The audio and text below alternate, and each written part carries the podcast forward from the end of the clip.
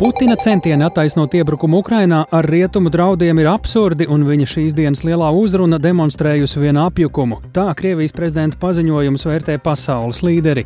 Radījumā pēcpusdienā dzirdēsiet, kā to vērtē arī eksperti. Rīgā vēl viena ēka atzīta par dzīvošanai bīstamu. Vēncpils ielā iedzīvotāji aicināti to pamest labprātīgi. Ja nu gadījumā būs neveiksmīga komunikācija un nesekmēs verbāla komunikācija, policija pielietos to, kas likumā tiek saukts par tiešo fizisko spēku. Proti, mēs mēs ņemsim, izdzīsim ārā no telpām un atpakaļ nelaidīsim. Plašāk skaidrosim arī šo situāciju, bet kas izlemts par Daugaupils cietokšņa turpmākās attīstības likteni. Pilsētas pašvaldība cietokšņa apsaimniekošanai nolēmusi veidot jaunu iestādi. Arī to skaidrosim plašāk pavisam drīz raidījumā pēcpusdienā kopā ar mani Tāli Eipuru. Pūkstens ir 16,5 minūtes, skan pēcpusdienas ziņu programma, skaidrojot šodienas svarīgos notikumus. Un raidījumu sākam ar pieslēgšanos tiešraidē Varšavai. Tur ASV prezidents Joe Bidenis šodien gatavojas teikt svarīgu uzrunu. Tā ir veltīta piekdienu gaidāmajai pirmajai gadadienai kopš Krievijas iebrukuma Ukrainā. Uzruna notiks dienu pēc Baidena negaidītās vizītes Kijivā un vien dažas stundas pēc Krievijas prezidenta Vladimira Putina uzstāšanās savas valsts federālās sapulces priekšā. Par to mēs runāsim nedaudz vēlāk, bet tagad esam sazinājušies ar mūsu korespondentu Varšavā Arķomu Konohovu. Sveiks, Arķom! Ko daudzi cer un ko var sagaidīt šodien no Baidena uzrunas Varšavā?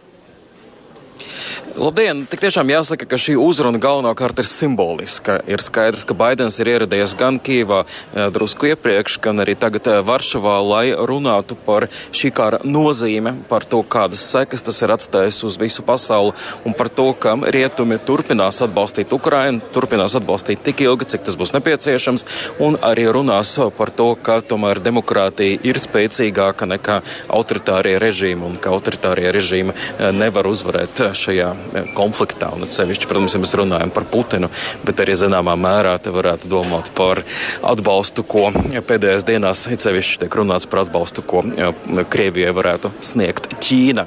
Ir interesanta detaļa, ka Baidena uzruna tiks tulkota ne tikai poļu, bet arī ukraiņu valodā.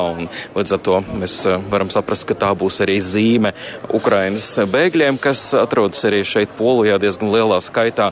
Un, protams, to var varētu devēt arī par zināmu retorikas sacensību, jo, kā mēs jau pieminējām pirms mirkļa, arī Krievijas prezidents Vladimirs Putins tieši šodien ir uzstājies ar savu uzrunu un ar savu redzējumu par to, kā un kāpēc sācies šis karš.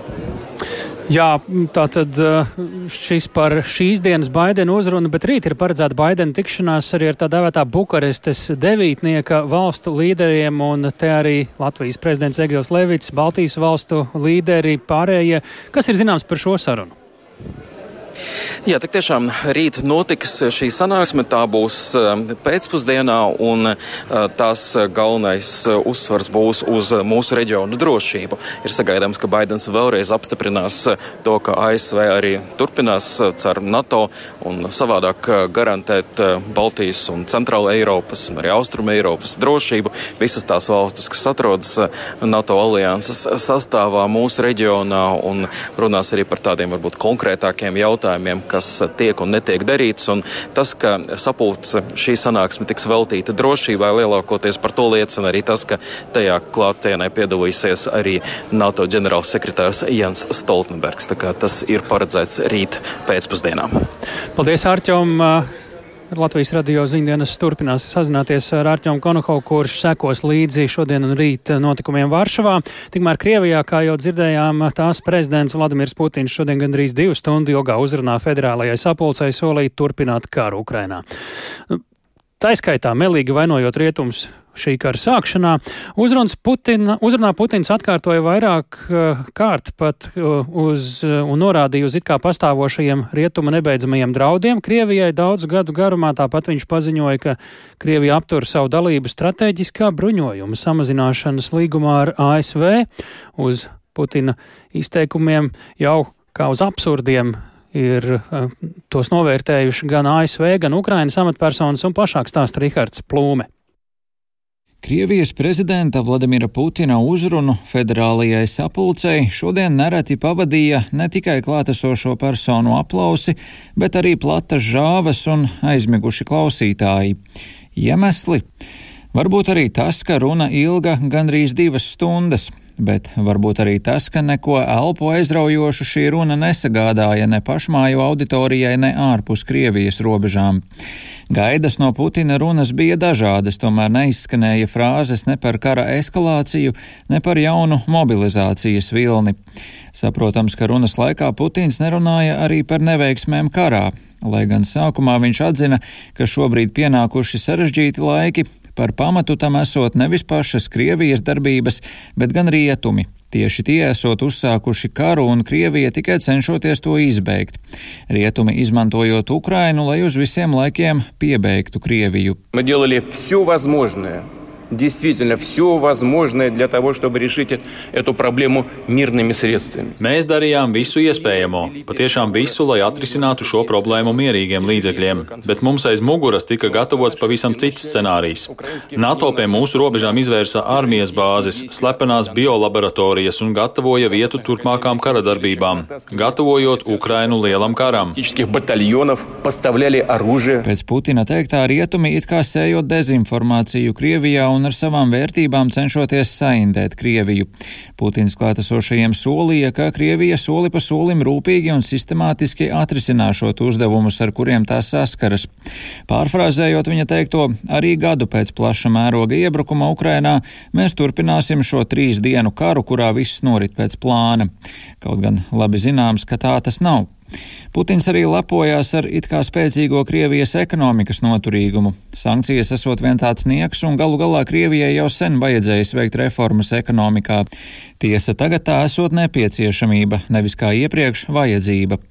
Ekonomikai tika pievērsta liela uzmanība, kas varētu liecināt par to, ka Kremlis gatavojas ilgstošam karam.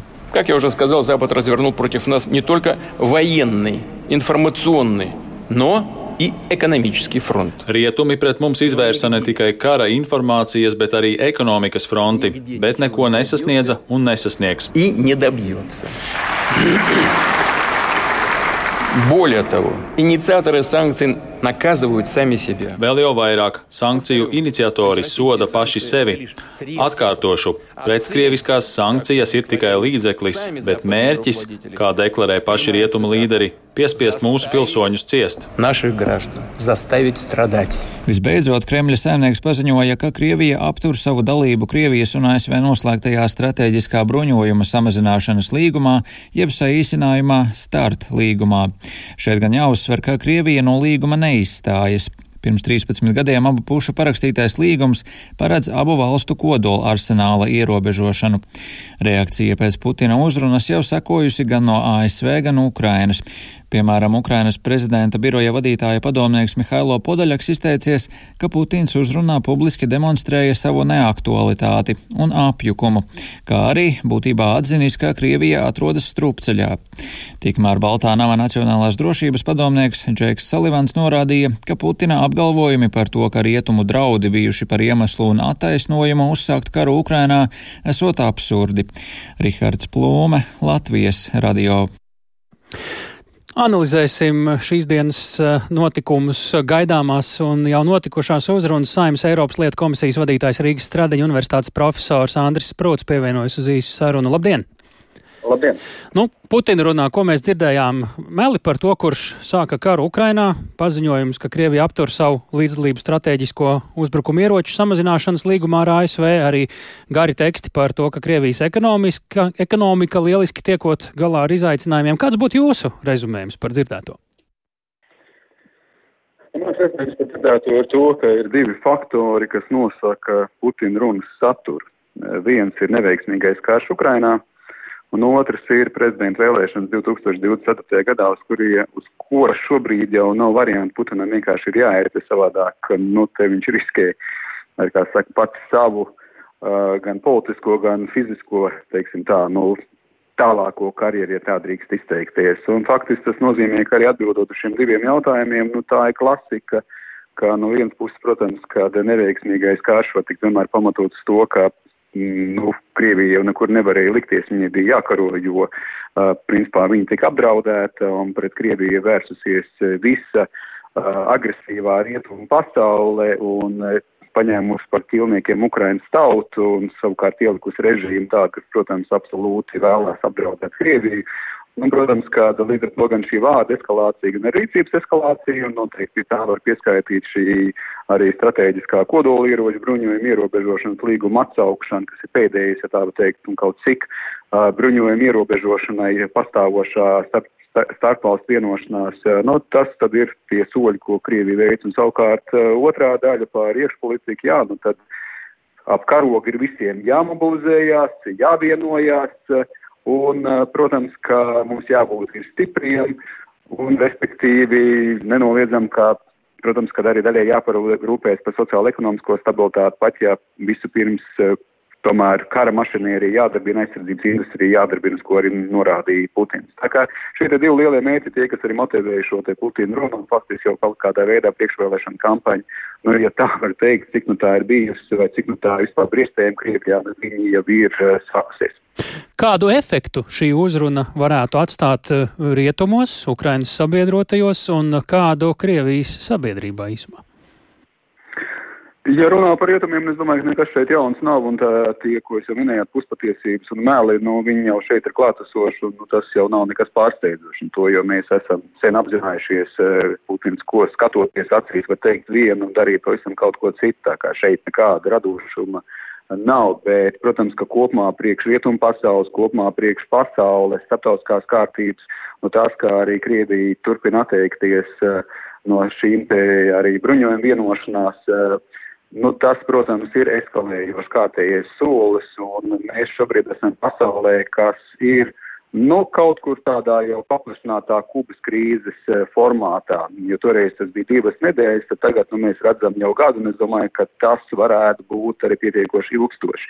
Nu, mēs esam nedrošā, mēs esam nestabilā, mēs esam pasaulē, kurā tie arī sarunu un diplomātijas kanāli ir ierobežot, kurā faktiski mēs esam te mm, konstruējuši, mm, no, no, noņēmuši malā visus tos nu, kaut kāda veidā stabilizējošos, tā skaitā ir sarunu un, teiksim, tā eskalācijas ierobežojušos mehānismus, kas pastāvēja mm -hmm. iepriekš, tādu šobrīd vairs nav. Un otrs, protams, Krievijas sabiedrībā, nu, kamēr tā neveiksme līdz tieši šādam veidam ne, neietekmēs Krievijas sabiedrību, nu, tikmēr es domāju, gan tā apātija, gan tas urā patriotisms būs klātesošs. Kas ir Latvijas intereses uh, rīt uh, Bukarestes uh, devītnieka tikšanās ar ASV prezidentu Džo Baidenu Varšavā pavisam īsi? Kas, kā jūs dažos teikumos raksturotu? Nu, divas intereses. Viena interese, protams, ka šis, lai kopumā būtu NATO, NATO koncepcijā un NATO domāšanā, uh, austrumu plānga aizsardzību kļūtu vismaz šobrīd, kā apstākļos, absolūti par primāro mērķi. Un otrs, protams, ka mēs sakām NATO, mēs domājam ASV, tā kā skaidrs, ka ASV klātbūtne, tā ir lielā mērā neaizvietojama nācija priekš mums ir militārā drošības ziņā. Tāpēc arī šī tikšanās ar um, Baidenu ir ļoti svarīga, lai faktiski, nu, tomēr vēl pārliecinātos un pārliecinātu par ASV mm -hmm. militāro klātbūtni reģionā. Tas ir mūsu drošības garants. Lielas paldies Saimas Eiropas lietu komisijas vadītājiem Rīgas Stradiņu universitātes profesoram Andrim Sprūdam. Tātad vēl pirms rītdienas tikšanās gaidām arī Džo Baidena uzrunu šodien Varšavā. Bet kā valsts aizsardzības mācības dēļ Latvijā skolēnus nepārslogot citos mācību priekšmetos? Diskusijas par to ir ieilgušas, lai arī jau no aiznākamā gada šīs priekšmets skolās būs obligāts. Par to tad šodien sprieda Saimas apakškomisijā. Atgādinām, ka brīvprātīgi valsts aizsardzības mācību Latvijas skolās var apgūt jau vairāk nekā četrus gadus. Vairāk klausāmies Jāņa Kinča ierakstā. Valsts aizsardzības mācība 10. un 11. klašu skolēnu vai profesionālas izglītības iestāžu un koledžu izglītojumajiem pašlaik ir brīvprātīga. Kopš 2018. gada to ik gadu paredzējušas aizvien vairāk skolu. Šajā mācību gadā 147 izglītības iestādes. Aiznākamajā mācību gadā valsts aizsardzības mācība būs obligāts mācību priekšmets. Tomēr aizvien turpinās diskusijas, kā šīs mācības ieviešana visiem skolēniem sabalansēt ar pārējo izglītības saturu. Tos Saimas visaptvarošas valsts aizsardzības apakškomisijas sēdē norādīja valsts izglītības un satura centra vadītāja Liene Voroņenko. Mūsu piedāvājums ir korģēt stundu skaitu noteiktos mācību priekšmetos, pamatkursu apjomā. Prioritāri mēs skatāmies sporta virzienā. Tas nozīmē, par vienu stundu visticamāk mēs samazināsim sportu. Un tad mēs skatīsimies pamatkursu līmenī uz sociālajām zinībām. Pēc valsts aizsardzības mācības iekļaušanas kopējā izglītības saturā to apgūs apmēram 41 tūkstotis jauniešu. Mācība ietver gan aizsardzības pamatu teoriju, gan orientēšanos, šaušanu un citas aktivitātes lauka nodarbībās. Veiksmīgākos vasarā aicina uz nometnēm. Aizsardzības mācības salāgošana ar pārējiem mācību priekšmetiem kā lielāko grūtību atzīst arī skolās. Arī Gulbens novada vidusskolā, kur tā jau noteikti par obligātu mācību priekšmetu, stāsta skolas direktore Linda Ūdre Rizga. Mēs ejam laikam pa priekšu, un mēs jau esam iekļāvuši to savā mācību saturā. Un jā, piedāvā mums ir lieliski, fantastiski instruktori. Lielākā noteikti vēlme, lai valsts aizsardzības mācība būtu iekļauta mācību saturā tā, lai skolai nav jādomā, kurā dienā, piemēram, organizēt uh, šo te valsts aizsardzības mācību un lai neizkrīt pārējie mācību priekšmeti. Šai problēmai atšķirīga pieeja Rīgas Angļu ģimnāzijā. Tajā desmito klašu audzēkņi aizsardzības mācību varēja izvēlēties pirmoreiz. Aizsardzības mācības dēļ nedzirdēto mācību saturu skolēni apgūst pašmācībā, stāsta šīs skolas direktore Maija Kokare. Tie skolēni, kas izvēlās šo specializēto kursu, tie tajā dienā mācības uh, savās sarakstu stundās neapmeklē, bet viņi tātad to apgūst patstāvīgi. Tad arī no pārbaudas darba netiek plānot un tādas lietas. Valsts aizsardzības mācību vispārējās izglītības saturā paredzēts iekļaut līdz šā gada rudenim. Savukārt līdz 2024. gada rudenim, kad tā jau būs obligāts mācību priekšmets, izaicinājums būs arī jaunsardzes instruktoru darba organizēšana, stāsta jaunsardzes centra vadītājs Ainis Mirbachs. Lielais izaicinājums - 43% jauniešu mācās un dzīvo Rīgā vai Pieriņā. Līdz ar to tas personāla sadale ir arī jāfokusē uz Rīgu. Tātad zemgale un vidzeme vairāk iespiedīsies Rīgā iekšā, lai atslogotu Rīgas novadu pārvaldu un, protams, rekrutēšanu. Valsts aizsardzības mācība ir daļa no kopējā visaptvarošas aizsardzības plāna. Lai arī no iznākamā mācību gada tā būs obligāta, izglītības nozarē aizvien izskan viedokļi, ka tomēr to būtu vajadzējis saglabāt kā izvēles mācību priekšmetu. Jānis Kincis, Latvijas radio. Turpinām raidījumu pēcpusdiena ar Covid-19 epidemioloģisko situāciju Latvijā šodien iepazinusies valdība. Slimību profilaks un kontrolas centrā saka, ka pat labam saslimstība ir stabila un tās izplatība tomēr nenorims un būšot viļņveidīgi saslimstības pāsinājumi. Eksperti šogad prognozē pat vairākus viļņveidīgus pāsinājumus. Plašāk Zanis Ēniņas ierakstā. Latvijā joprojām izplatās vairāki koronavīrusa omikrona paveidi. Kaut gan tie ir samērā lipīgi, saslimstība iet mazumā. Pašlaik augšējo elpceļu infekciju kopumā Covid veido tikai apmēram 10%, līdzīgi kā gripa. Taču tas nenozīmē, ka tas apsīks pavisam. Infektologs Uga Dumpis uzskata, ka tagad ir pārējais periods. Drīz aktīvāk sāks izplatīties jauni vīrusu paveidi. Turpina Uga Dumpis. ASV un Lielbritānijā izplatījās šis BB15 variants un arī CH11. It kā bija paredzams, ka arī mums tas izplatīsies, bet pagāja, nu, varētu teikt, lielāks laiks, kā mēs gaidījām, un tagad ir parādījušies šie varianti. Viņi izplatās, bet cerams, ka nu, tas nenovedīs pie liela viņa, jo sāksies pavasaris un vasara, kad saslimstībai vajadzētu mazināties. Slimību profilakses un kontrolas centra epidemiologs Jurijs Perevoščikovs norāda, ka saslimstība pat labam nevēršas plašumā, jo sabiedrība vairs nav tāda kā pirms Covid. Proti daudziem ir vakcinējoties iegūta imunitāte, bet citiem tā izveidojusies pēc pārslimošanas. Tomēr Covid vēl ar vienu ir aktuāls. Apmēram katram desmitajam no tiem pacientiem, kuri ārstējas slimnīcās, slim slimība norit smagā formā, un gandrīz katru dienu tiek ziņots arī par mirušajiem. Tāpēc joprojām aktuāla ir vakcinācija. Turpina Jurijs Perevoščikovs. Cilvēkiem, kuriem nebija veikta vakcinācija pēdējo pusgadu laikā, vajadzētu padomāt par to it sevišķi tiem, kuri pieder riska grupai. Cilvēki 65 gadi un vairāk, seniori, cilvēki ar nopietnām kroniskām saslimšanām, ar imundeficītu, grūtniecis. Speciālisti iesaka vakcinēties arī cilvēkiem, kuri dzīvo kopā ar riska grupu personām, kā arī tiem, kuriem plānota kāda operācija vai ārstēšanās slimnīcā. Jāpiebilst, ka joprojām svarīgs ir arī tā dēvētais garais covid. Tas pašlaik ir daudzu zinātnisku pētījumu objekts. Secināts, ka pēc covid stāvokli novēro vismaz 10% pārslimojušo. Tas var skart teju vai jebkuru orgānu sistēmu sirdi, asinsvadus vielmaiņu, gremošanu, reproduktīvos orgānus un tā tālāk. Garais covid var ilgt dažas nedēļas, mēnešus, gadus, dažreiz visu mūžu. Zāne Eniņa, Latvijas radio.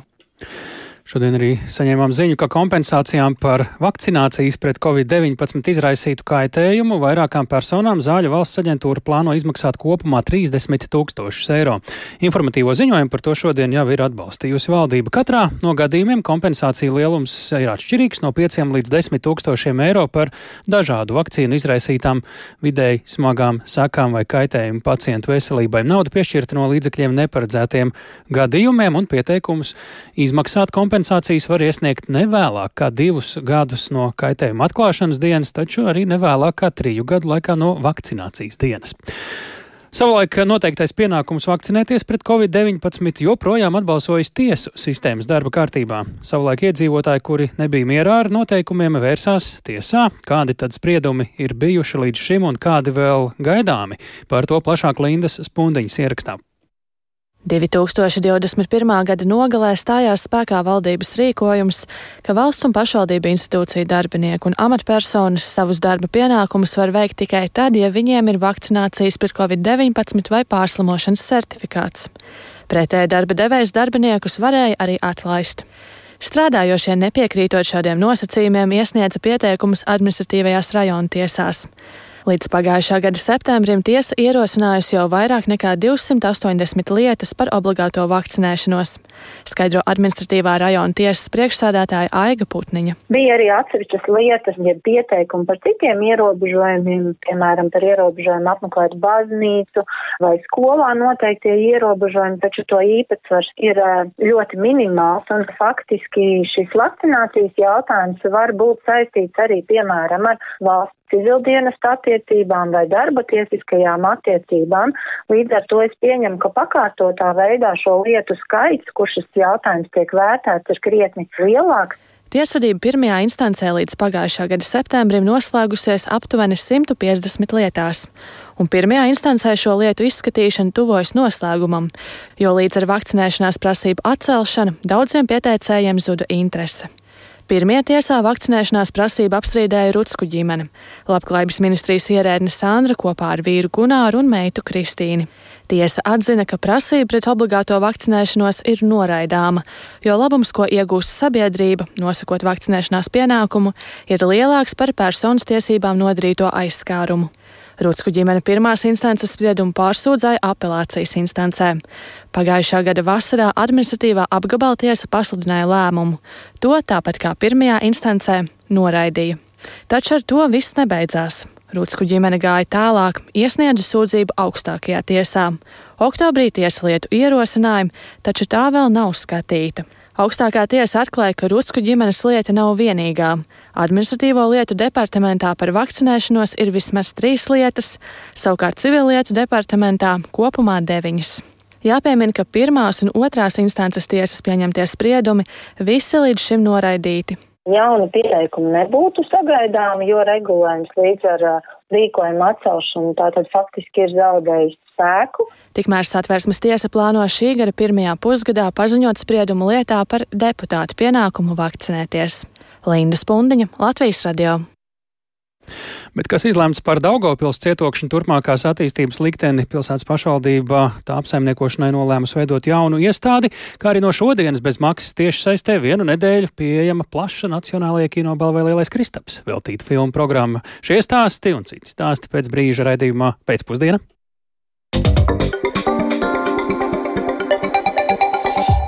Turpinām sekot situācijas attīstībai Krišāņa Valdemāra ielas saplaisājušajos namos. Šodien amatpersonas par to informēja arī plašāk, un, kā Latvijas radio jau ir ziņojis, pagājušo sestdienu no divām ēkām tika evakuēti 33 cilvēki, jo būvju sienās paplašinājās plaisas. Tikmēr šodien vēl jaunas ziņas par citu ēku. Rīgas pašvaldība aicinājusi iedzīvotājus pamest bīstamu ēku Vēnspils ielā. Lai pastāstītu par jaunāko, sāksim droši vien ar Valdemāra ielu. Šeit studijā kolēģe Agnija Lāsdiņa. Lūdzu, Agnija! Jā, labdien! No šodienas Rīgā Krišjāņa Valdemāra ielas posmā starp Alojas un Šarlotas ielām atļau, atļauta sabiedriskā transporta kustība, un autovadītājiem ceļa posms joprojām gan ir slēgts. Savukārt nama iedzīvotājiem pēc pašvaldības policijas sastādīta grafika ir iespēja paņemt savas personīgās mantas, un šobrīd nodrošina iedzīvotāju ielaišanu, pavadīšanu un uzrauga drošību vispār vispārīgi notikuma vietā.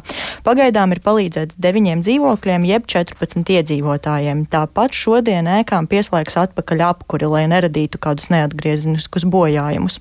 Tas, ko amatpersonas uzsver, ņemot vērā šo visu situāciju, kā piemēru, īpašniekiem ir jādomā par saviem īpašumiem, arī ēku iedzīvotājiem ir par to jāizdomājas un jāpārliecinās, vai viņu dzīvojamā ēka vispār tiek apsekota. Paklausīsimies Rīgas domas priekšsēdētājas vietnieces Lindas Ozols teikto. Pēc vairāk kā 30 gadu neatkarības perioda mums šobrīd ir eh, brīdis, kad ir nepieciešama domāšanas paradigmas maiņa, jo rūpes par savu īpašumu ir īpašnieka atbildība. Sargāt savu īpašumu ir īpašnieka atbildība. Izremontēt, nodrošināt, lai jumts un sienas un pamati ir tehniskā stāvoklī. E, it kā likums to paredz, mēs visi to zinām, tā tas ir jau vairākus desmitus gadu, bet joprojām mūs pārsteidz šis vēstījums, ka tā ir mūsu atbildība. Jā, taču, lai lemtu par nākamajiem soļiem, ir jāgaida Rīgas domas eksperta pilnīgu atzinumu, ko sola saņemt līdz šīs nedēļas piekdienai. Nu, tas tātad par Valdemāru ielu, kas ir stāstāms par to jauno situāciju, kur šodien saņēmām ziņu no Vēncpils ielas. Jā, ēka šobrīd ir avārijas stāvoklī. Tā ir koka divstāvu ēka, kur ir 15 dzīvokļi, gluži kā Valdemāra ielas ēkas, arī šī ir privāta īpašums, un to apsaimnieko Rīgas nama pārvaldnieks. Un pilsētas attīstības departamenta pārstāve Ingūna Urtāna stāstīja, ka sadarbībā ar ēkas iedzīvotājiem ir veikta stāvokļa izpēte, novērtēšana, ir būvvaldes atzinumi par bīstamību un turpmākajām rīcībām. Tomēr, citējot Urtāni, diemžēl bezdarbības rezultātā ir nonākts tik tālu, ka īpašniekiem vakar tika nosūtīts brīdinājums par ēkas eksploatāciju eksploatācijas aizliekšanu un lūgums veikt brīvprātīgu evakuāciju no šīs ēkas. Un uh, iedzīvotājiem tā būs jāpamet līdz 28. februārim, savukārt ēkas bīstamība jānovērš līdz 30. jūnijam. Paklausīsimies Rīgas pašvaldības policijas priekšnieka vietnieku Andriju Aronovu. Mēs aicināsim viņus izpildīt to būvvaldes lēmumu, proti, labprātīgi atstāt tās telpas. Ja nu gadījumā būs neveiksmīga komunikācija un nesekmēs verbāla komunikācija, policija pielietos to, kas likumā tiek saukts par tiešo fizisko spēku. Proti, mēs ņemsim izdzīsim ārā no telpām un atpakaļ nelaidīsim. Viņiem bija ļoti nopietni jārēķinās jau tajā mirklī, kad viņi ieguva sev īpašuma tiesības, kad viņi sāka teiksim, rīkoties ar šo mantu. Cilvēkam ir jārūpējas par savu īpašumu, par savu mantu, lai nenolaistu viņu līdz tādam stāvoklim, kad jāiejaucās pašvaldībai. Aronovs gan cer, ka iedzīvotāji būs saprotoši un ēku pametīs labprātīgi, lai nebūtu jāiejaucas ar fizisku, fizisku spēku. Tāpat jāpiebilst, ka amatpersonas šīs ēkas situāciju, kas šodien diezgan nelaimīgā kārtā pievienojusies Valdemāra ielas ēkām, sauc par vienkāršu sakritību, jo visa situācija, tostarp arī visas darbības, uzsāktas jau kopš rudens. Tāpēc ēkas īpašnieki un iedzīvotāji par šo situāciju un ēkas stāvokli zināja jau sen smaga situācija katrā no šiem gadījumiem iedzīvotājiem. Pavisam noteikti paldies Agnijai Lāsdiņai. Mēs šobrīd eh, par kādu citu būvi. Daugopils cietokšņa saimniecisko lietu pāraudzībai veidos jaunu iestādi. Tā plāno reorganizāciju, eh, tā plāno to reorganizāciju Daugopils turisma attīstības un informācijas aģentūrā. Mm, par to informē mm, pilsētas vadība un eh, ir domāts noņemt tai cietokšņu pāraudzības funkciju un rosina arī likvidēt Daugopils cietokšņu pārvaldnieku un viņu vietnieku amatus. Un ir jau vēstīts, ka šī ziņa ir izraisīta izraisījusi rezonanci pilsētā un bažas sociālajos tīklos par to, kā izmaiņas ietekmēs Daugopilī tik svarīgā turisma un arī vēsturiskā objekta saglabāšanu un, kas svarīgi, arī attīstību. Vairāk Silvijas Smagaras ierakstām. Dāngāpils pilsētas pašvaldības turisma attīstības un informācijas aģentūrē noņemot Dāngāpils cietokšņa pārvaldības funkcijas, publiskajā telpā raizsienē mazums jautājumu, kas tad notiks ar Dāngāpils pērles cietokšņa attīstību. Lai neziņas un neskaidrības plīvaru par Dāngāpils cietokšņu noņemtu, šodien Dāngāpils domas priekšsēdētājs Andrēs Alksniņš preses konferencē sabiedrībai atklāja pašvaldības plānus. Tā ir ilgi lolotā cietokšņu pārvaldes izveide, kuru faktiski būs plānos izveidot cietoksni. Nekas vairāk. Tas, kā ar to nenodarbosies uz doto brīdi, tic, nu, manuprāt, ir skaidrs. Mēs absolūti arī neredzam, ka tas varētu palikt tic darbības lausiņā. Mēs gluži otrādi spēcināsim šo darbu ar cietumus. Faktiski tā būs jauna struktūra, kas saimnieciski pāraudzīs Dāngāpils cietokšņa daudzos objektus, skaidro domē cietoksnis ir kapitāli mainījies. Kapitāla ieguldījumi cietoksnī ir veikti pēdējo nu, divu, trīs gadu laikā. Nu, šobrīd es, es nezinu, cik ir jābūt uh, lielam fantāzētājam, lai, lai iedomātos, ka to saimniecību var pamest vai, piemēram, ignorēt. Tas, pie kā notiek šobrīd darbs, ir pie jauna cietokšņa pārvaldības modeļa izstrādes, kura ietvers sevi saimniecisko sadaļu attiecībā par cietokšņa pārvaldi, attiecībā par Rotko saimnieciskās daļas pārvaldi, inženieru arsenāla saimniecības pārvaldi, Martinsona mājas, Vaļņu saimniecības pārvaldi.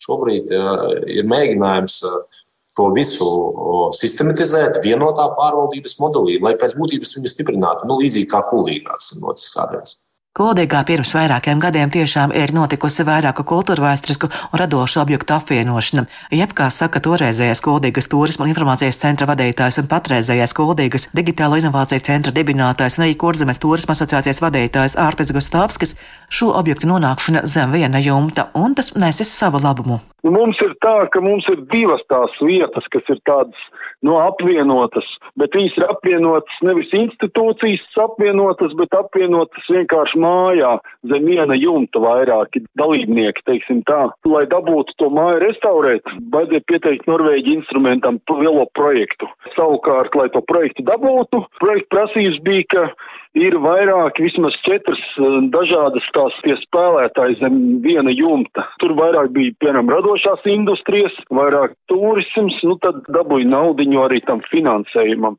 Bet tas ļoti labi darbojās. Tieši vairāk turisma attīstībā tas darbojās. Ja tie dalībnieki savā starpā iet kopā vai par vienu virzienu, piemēram, turisms, un tur radošās industrijas ļoti labi darbojās kopā. Jaunā Dagāpos cietokšņa saimnieciskās pārvaldības struktūra ar jaunām un globālākām funkcijām varētu sākt darboties ar šī gada māju. Silvija Smagara, Latvijas radio studijā Latgalē. Pret izmaiņām Daugopils cietoksnī viena no protestētājiem atklātā vēstulē bija biedrība New East, jeb tūkojumā jaunie austrumi. Tās direktors Jorens Dobkevičs pie mūsu klausulas. Labdien!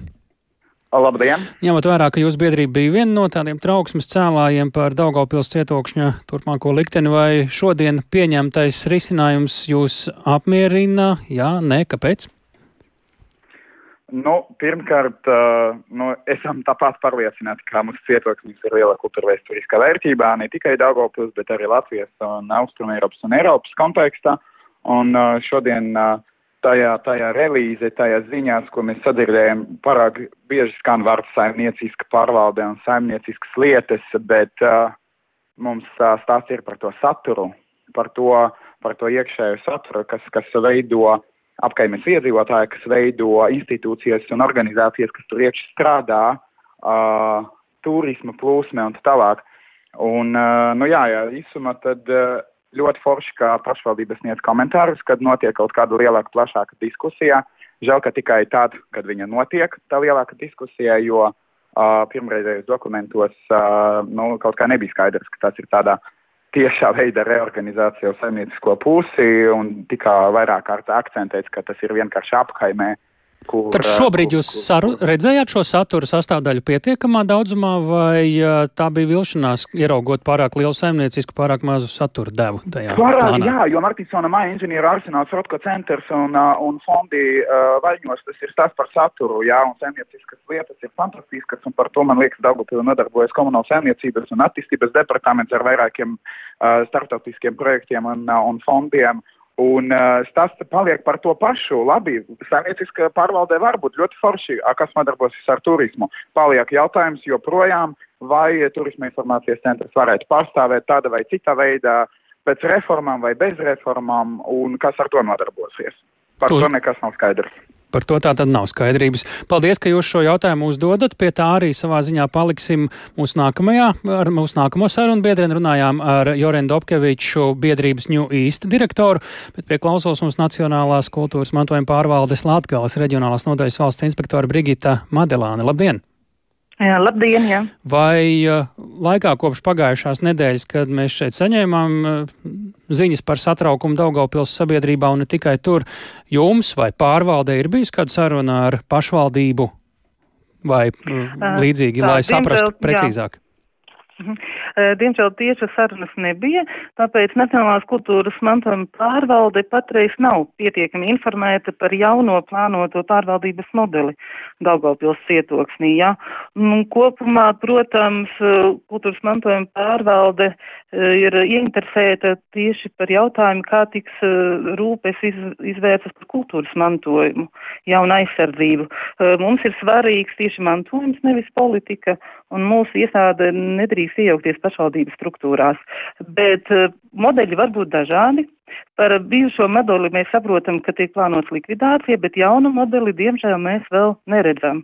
Tāpēc ir grūti spriest, kā tas darbosies. Un vēl gribam minēt, tā kā visa cietokšņa teritorija ir valsts aizsargājama, tad svarīgi būtu redzēt un just visa cietokšņa aizsardzības un attīstības koncepcijas kopainu ne tikai akcentējot pašvaldībai piedarošos objektus, turisma objektus, jā, bet tieši visu kopainu. Un, ja Vai plānots vietas... vērsties pie pašvaldības, lūdzot šo visu arī konkretizēt? Nu, Nacionālā kultūras mantojuma pārvalde ir ļoti atvērta dialogam, un mēs labprāt jāsēstos pie kopīgām sarunām, jā, un to varētu risināt, ja pašvaldība izrādītu iniciatīvu. Jā, Esat mēģinājuši, ir kāds noraidījums bijis? Ka? Uh, tas vēl ir tik aktuāli jauns jautājums, jā, ka vēl tas nav risināts bijis. Gaidīsim jūsu sarunas ar pašvaldību, un tad arī droši vien varēsim daudz precīzākus secinājumus izdarīt par pašvaldības plāniem. Sakām lielu paldies Brigitai Madilānai, Nacionālās kultūras mantojuma pārvaldes Latgales reģionālās nodaļas valsts inspektorei. Bet eh, šoreiz par kādām citām kultūras vērtībām, kultūras mantojumu, proti dodamies kino pasaulē. Plaša Nacionālajai kino balvai Lielais Kristaps veltīta bezmaksas filmu programma tieši saistē, skatāma no šodienas līdz pat 28. februārim, tātad veselu nedēļu. Tā būs skatāma turklāt arī visā pasaulē un paralēli Lielā Kristapa pamatprogrammai. Tā savukārt eh, no šī, šīs ceturtdienas līdz šai svētdienai. Pie mūsu klausulas Nacionālā kinocentra pārstāve Kristīne Matīsa. Labdien! Labdien! Kādas tad latviešu filmas būs skatāmas tiešsaistes programmā no šodienas līdz pat 28. Jā. februārim? Vārdu sakot, um, skaidrai struktūrai ir svarīgi atcerēties skeletu. Tātad mēs jau trešo gadu sadarbojamies ar Lielo Kristapu, kurš šeit portālā Films LV pie mums novieto tādas lielākus blokus, kas var iesildīt festivālam. Un e, kā katru gadu ir zināms jau iepriekš pirms festivāla, kurš saņem balvu par mūža ieguldījumu, šogad tas ir kino dramaturgs un scenārists Alvis Lapiņš, un mēs, protams, portālā Films LV izceļam sešas filmas, no tām gandrīz 30, kuru scenārija autors ir Alvis Lapiņš. Mēs šeit izceļam tā uh, daudzveidīgu spektru. Tur ir gan um, ļoti komiskā īsfilma tās Dulās Paulīnas dēļ, gan ļoti, ļoti populārais Ziemassvētku jampatracis, gan, piemēram, ģimenes filma Saules svece, kas 1986. gadā saņēma lielo kristapu, bet nav tik ļoti populāra kā, piemēram, Ziemassvētku jampatracis vai ūdens bumba resnējiem runcim. Un uh, ir arī viena dokumentālā filmu spēles Latvija Pētera Krilo filma, kurai arī Alvis Lapiņš ir rakstījis scenāriju. Otrs lielais bloks, kas jāatceras, ir um, iespēja iesildoties šā gada Kristapam, šā gada labāko filmu izlasēji, noskatīties iepriekšējā gada labāko filmu izlases. Tātad precīzi visas tās filmas, kuras saņēma balvas kā labākās. Labākā filmetrāža stāvfilma gads pirms kara, labākā filmetrāža dokumentālā filma Delle, labākā animācijas filma Čuči Čuči, līdz pat labākajai studentu filmai, un labākā debijas filma bija Tīzlēns, atcerēsimies, un tā tad šīs atkal ir. Nu, pirmo reizi tieši saistē visā pasaulē pieejams bez maksas, jā. tā varētu to teikt. Un trešais, vēl, jā? trešais bloks ir jāatceras, ka pagājušajā gadā spoži nosvinēja simtgadi, un no mums aizgāja režisors Rolands Kalniņš, un to mēs neaizmirsīsim nekad, un arī tagad atceramies ar iespēju skatīties visas divas filmas šajā te Kristap programmā, bet viņa filmu kolekcija ir vēl savietota portālā un atrodama. Tā kā Kalniņš arī šajā komplektā. Un tad sekojam līdzi gan šai programmai tieši saistē visā pasaulē, Jā, gan arī, protams, no meklējiet. Un no ceturtdienas lielais Kristap. Lielo Kristap programmu tieši tā no ceturtdienas jau iet uz kino arī klātienē. Šis bija raidījums pēcpusdiena. Mēs tā veidotāji sakām paldies, klausījāties. Studijā bija tāls eipurs. Kopīgiem spēkiem raidījumu veidojām ar Ilzu Agintu, Renāru Šteimani, Tomu Šupeiko. Nu, atgādinām arī dažus šīs dienas svarīgos virsrakstus. Džo Baidens šodien ieradies Varšavā un teiks svarīgu uzrunu. Tāpat arī Vladimirs Putins, Krievijas līderis, teica ļoti plašu uzrunu arī Krievijas auditorijas priekšā. Nenorims un būšot viļņveidīgi Covid-19 saslimstības pāsinājumi šeit pat Latvijā. Lūk, šādi stāsti. Mēs tiksimies arī rīt. Šo raidījumu noteikti varat noklausīties arī vēlreiz vai vēlāk Latvijas radio mobilajā lietotnē. Yeah.